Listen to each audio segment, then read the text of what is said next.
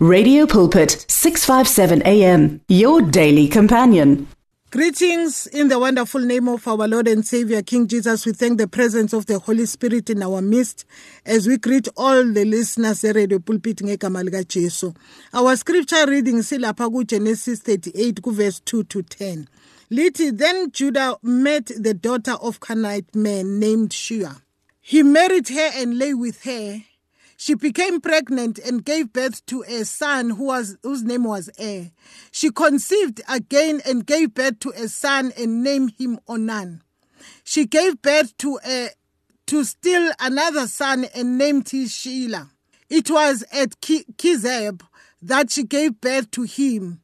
Verse 6 Judah got a wife from Ir, his firstborn, and her name was Tamar.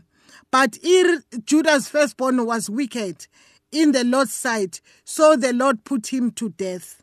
Then Judah said to Onan, Lie with your brother wife, brother's wife, and f- fulfill your duty to her as a brother-in-law to produce offspring for, for your brother. But Onan knew that the offspring would not be his. So whenever he lay with his brother's wife, he spilled his semen on the ground to keep from producing offspring for his brother. What he did was wicked in the Lord's eyes, so he put him to death also. Silbonge izwi kaNkuluNkulu kanamhlanje. Manje itopic yethu yanamhlanje it's about abortion. And culturally and religiously uh, and kuma kwi-society eh mostly uma sikhuluma ngalento i-abortion we shift it to a gender a certain gender. And yet uma silifunda in this verse eh siyathola ukuthi eh ikhuluma with the opposite gender. Thina esingeke esingayimenshini ukuthi manje izwi kaNkuluNkulu liyasitshela ukuthi uOnani uNkulunkulu wambulala. Ngani? Ngoba he spitted the seed. Manje when uNkulunkulu ekhuluma noAbraham lapha ku chapter 35 who passed the age ukuthi angaze abathola abantwana? uNkulunkulu promised him that out of his loins out of his body a nation and the company of nations shall be born. Reason was that uNkulunkulu knows the end in the beginning. uNkulunkulu he is omnipresence. Manje when god ebona the, uh, the loins zika-abraham unkulunkulu wayebona udavide even before udavide was born. Uma unkulunkulu ebona the loins zika-abraham wabona usolomoni even before solomon was born.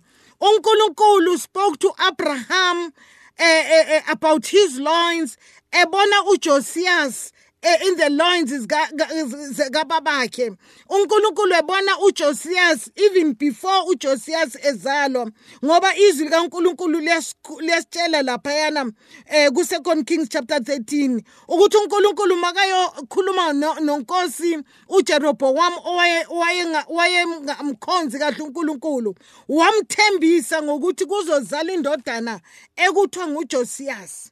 Manje siyabona ukuthi uma uNkulunkulu ebona uAbraham wabona uJehosh uJehoshaphat wababona wabona uZakhariya wababona uAzaya wabona uKing Jehoram. Yiko lokhu uNkulunkulu wathi out of your loins you'll bear uzozala amakhosi. Manje lana sibona izwi kaNkuluNkulu lisitshela ngobani ngoonani elithi izwi kaNkuluNkulu uNkulunkulu azange thokoze uma espitha the seed. Yena uOnani wayengabhekanga izwi likaNkuluNkulu nezethembiso ukuthi uNkulunkulu wathini wayebheke indaba yomfowabo ukuthi akafuni ukuthi aphumelelise umfowabo ongasekho. Manje uma sifunda izwi kumaHebheru chapter 7 kuverse 9 and 10 wakhona iBhayibheli liyasitshela also ukuthi uMalkazadeki eh uma enikeza uAbraham uma inikeza uMalkazadeki okweshumi lithi izwi kaNkuluNkulu kwakulevi owayengaphakathi kwakhe kuma loins akhe owayenikeza i-tithe manje ichapter lesifunde ngayo ngo-onani u-onani yena could not realize ukuthi le nto ayenzayo into eyenza ukuthi unkulunkulu angazange ayithande. Ngani? Ngoba unkulunkulu had a purpose. Waba nepurpose unkulunkulu esakhuluma ku-abraham ukuthi out of your loins kuzozalwa amakhosi. Manje nangu lo u-onani yena akabhekanga izwi likankulunkulu kodwa ubheke ukuthi akafuna ukuprosperisa ini. Umfowabo. Manje uma sifunda bangcwele even nakuPsalm 139 kuverse 15 to 16 uma uDavide ethi when I was I was made in the sacred place when I was woven together in depths of the earth siyalithola lapho bangcwele. Uthi lapha your eyes saw my unformed body. All the days ordained for me were written in the book before one of them came to be manje uNkulunkulu even before some of us were born God knew about us. Eh ngani? Ngoba besesikhona. Eh kuma loins abazali bethu njengoba izwi likaNkuluNkulu lishilo laphayana ukuthi manje uNkulunkulu saw our unformed body all the days ordained for us were written in God's book before one of them came to be. Siyakhumbula noNkulunkulu uma ikhuluma nakuJeremiah ukuthi wakhuluma kuJeremiah what I knew you wawungekazalwa nokuzalwa. So izinto zikaNkuluNkulu thina sibheka eh, izinto eseziza kanti uNkulunkulu lezo zinto kudala wazenza kudala waziplana. Manje lapha ku Isaiah chapter 46 ku verse 10 liyasho izwi kaNkuluNkulu lithi I make known the end from the beginning. Manje with onan owayeselfish and a self-seeking owayenejealousy drove him to spread uh, the seed on the ground thinking ukuthi wenzela umfowabo kodwa he never knew ukuthi it's about the next generation to come. Manje ngithanda ukuthi whatever we do today we've got to understand ukuthi there's a next generation that is coming. Uma wenza ubuhle know ukuthi lobo buhle wena but you are doing it for the next generation that is coming. Uma wenza ububi obenzayo namhlanje we've got to understand ukuthi sibenzela lobo bubi for the next generation to come. And now izwi likaNkuluNkulu lapho ngikhuluma ngendaba yeabortion ukuthi manje thina sicabangela ukuthi abortion uma umuntu ehamba eclinic eyokhipha lento kodwa manje kukhona thina abanye bethu abayenzile abortion ngani ngokuthi siaborte izinto neplani likaNkuluNkulu alenzile ngendlela esenza ngayo izinto. Manje ekseni kwanamhlanje eh izwi likaNkuluNkulu liyasitshela umpostoli uPaul ukuthi that eyikhathini zokugcina kuyoba nabantu abathanda imali eh lapha masilifunda ku 2 Timothy chapter 3 manje the reason yalabantu abathanda imali eh izwi liphinde lisitshela ukuthi eh the love of money is the root of all evil. Manje yiyo into engifuna ukukhuluma ngayo ukuthi those people because of the love of money they don't understand ukuthi there are things abazi-abortayo ngani? Ngoba uma bethatha ama-drugs bewenikeza abantwana benikeza abantwana bethu abakhulayo ama-drugs they don't understand ukuthi they are aborting their potential that is in the young generation to come. Ziningi indlela ngenxa ye-self seeking men and women ngisho nasemabandleni have the same spirit and the same attitude. Aba-abhothayo izinto zikankulunkulu. Ngithi ekuseni kwanamhlanje many of us we don't know ukuthi some of us have done i-abortion eh noma ngabe ubaba noma ngabe umama ngani ngezinto esizenzayo ngani ngoba si-aborta iplani likaNkuluNkulu. Manje uOnani naye wenza i-abortion e-aborta iplani likaNkuluNkulu. Ngani? Ngoba uNkulunkulu wayenenjongo ngezizukulwane ezizayo. Manje ekseni kwanamhlanje siyathola ukuthi ngisakhuluma ngendaba yasebandleni ukuthi sometimes sine attitude kaDiotrephes elisitshelayo izwi ngaye lapho masilifunda lapha kwincwadi ka-3 John kuchapter 1 uverse 9 to 12 wakhona lithi leli lizwi i wrote to the church but Diotrephes who loves to be the first will have nothing to do with us so if I come, I will call attention to what he's doing, gossiping maliciously about us. Not satisfied with that, he refuses to welcome the brothers. He also stops those who want to do so and puts them out of the church. Manje lana uma silibheka bangcwele uDiotrephes lo lithi who loves to be the first? Manje uma umuntu othanda ukuba phambili noma kungafanelekanga you are the person who is aborting iplani likaNkuluNkulu ngoba that is not where uNkulunkulu akubeke khona. uNkulunkulu kukhona indawo akubeke kuyo not to be the first.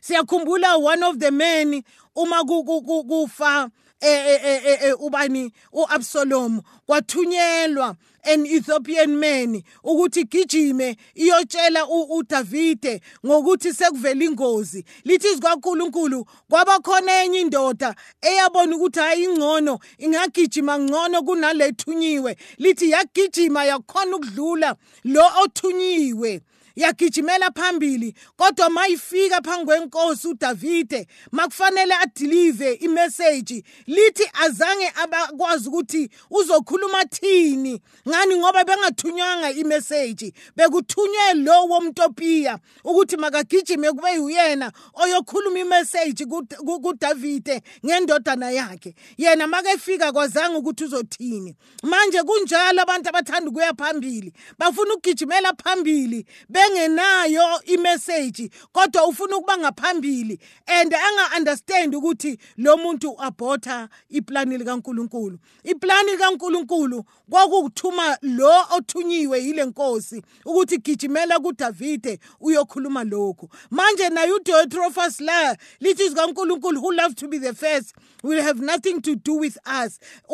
Had nothing to do ney'nceku zikaNkuluNkulu ezihambisa ivangeli?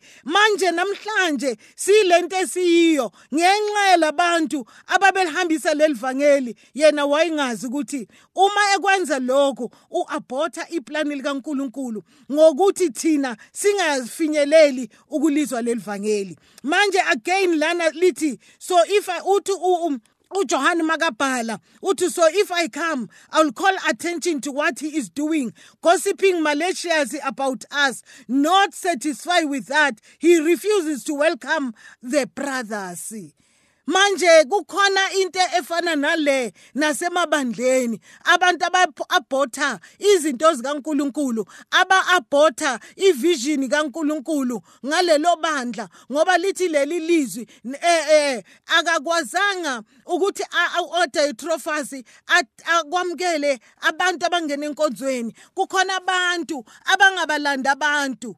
Abathi mabethola abantu bakhona babe bakhiphe emabandleni beabhotha iplani kaNkuluNkulu azolenza ngalobo bantu kubasebenzisa. Ngani? Ngoba babakhipha ngolwimi labo njengoba nezwi likaNkuluNkulu lisho lo ukuthi not satisfied with that he refused to welcome the brothers. He also stopped those who want to do so and puts them out of the church and lithi izwi kaNkuluNkulu he's doing this gossiping maliciously about iy'nceku zikaNkuluNkulu. How many times have we aborted iplani zikaNkuluNkulu? How many times ngezinto esizenzayo esiaborte iplani ivision zabantwana nabantu abeza emva kwethu ngenxa yokuthi sifuna ukuba phambili? There are people namhlanje abangabizwanga kodwa ngenxa yokuthi uye eBible school athi ngenxa yeBible school ngibiziwe. iBible school ayimbiza umuntu ubizwa uNkulunkulu iBible school it's good to go there but after i-calling kaNkuluNkulu sekubonakele umsebenzi owenzayo so wenze umsebenzi. Manje most of the people today makangaphatha nje i-certificate sase-bible school uthi ngibiziwe engazange abizwe. Angazange enze lutho angakaze ashumayele angakaze ayenze lutho ngoba uyile esikolweni. Manje izinto ezikhosa ama-abortion ngani? Ngoba abantu uma bezibona baze bathi ha nalo manje izinto ezifana nalezo esikhuluma namhlanje ngendaba yeabortion ukuthi baningi abantu abayenzayo iabortion njengo-onani. U-onani wayengazi ukuthi akakwenzeli umfowabo lokhu. Wenzela wenzela uNkulunkulu. Yinto eyenza ukuthi uNkulunkulu abe nolaka kuye. Ngani? Ngoba uNkulunkulu ebesekhulumile kuAbraham ukuthi out of your loins kuzovela amakhosi out of your loins kuzozalwa izizwe. But yena ngalokho akwenzayo waye aborta iplani kaNkulunkulu. That is why God had to kill him. Manje ekseni kwanamhlanje ziyenzakala izinto ezinjalo namhlanje ukuthi manje izinto esizenzayo ziabhotha iplani likaNkuluNkulu.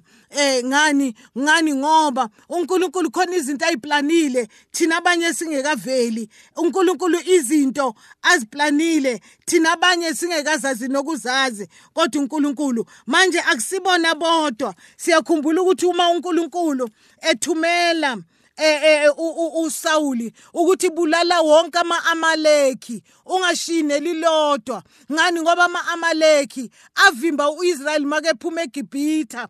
Eya eh, to the land of the promise. Kwaba yibona abamendleleni ukumthibela ukuthi angadluli. Manje siyabona ukuthi labo bantu ispirit ama-amaleki namhlanje sisekhona.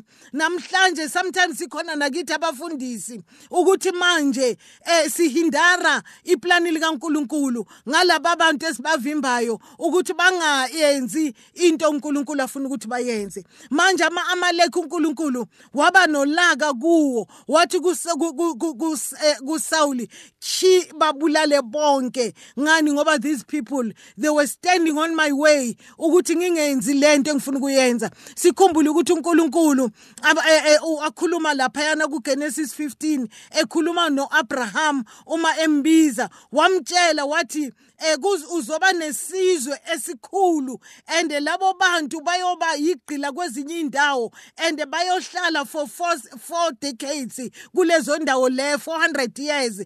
Mabebuya bayophuma nengcebo yakhona mabebuya ngibanikeza leli lizwe. Manje ama-amaleki ayezama ukuhindara iplani lokankulunkulu ukuthi abantwana baka-israyeli bangakwazi ukungena. Manje ekuseni kwanamhlanje uh, to abort is, is to terminate anything uh, uh, before it reaches its maturity.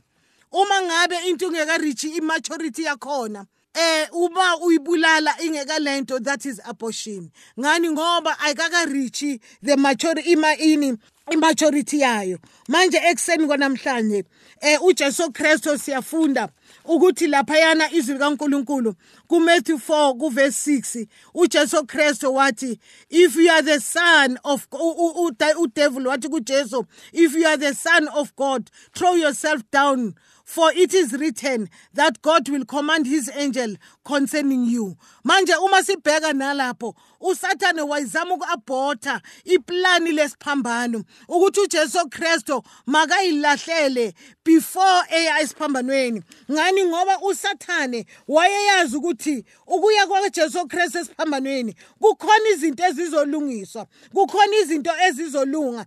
Ngani? Ngoba ukuya kwajesu kristu esiphambanweni izwi likankulunkulu liyasitshela ukuthi manje lapha kugalatians chapter 3 lithi he redeemed us. Lithi izwi likankulunkulu eh Galatians chapter 3 eh lithi lapha yana ngizolicala eh eh kuverse 13 wakhona. Lithi Christ redeemed us from the curse of the law by becoming a curse for us. For it is written curse is everyone who is hung on the tree He redeemed us in order that the blessing given to Abraham might come to the Gentiles through Christ Jesus, so that by faith we might receive the promise of the Spirit. Manje what was hindering? Why hindera this promise yokuthi abezizwe uma uJesu esesiphambanweni kuzolandwa nabezizwe and at the same time wayezama ukuhindara uh, the promise of the holy spirit ukuthi manje unkulunkulu wayithembisa umoya ingcwele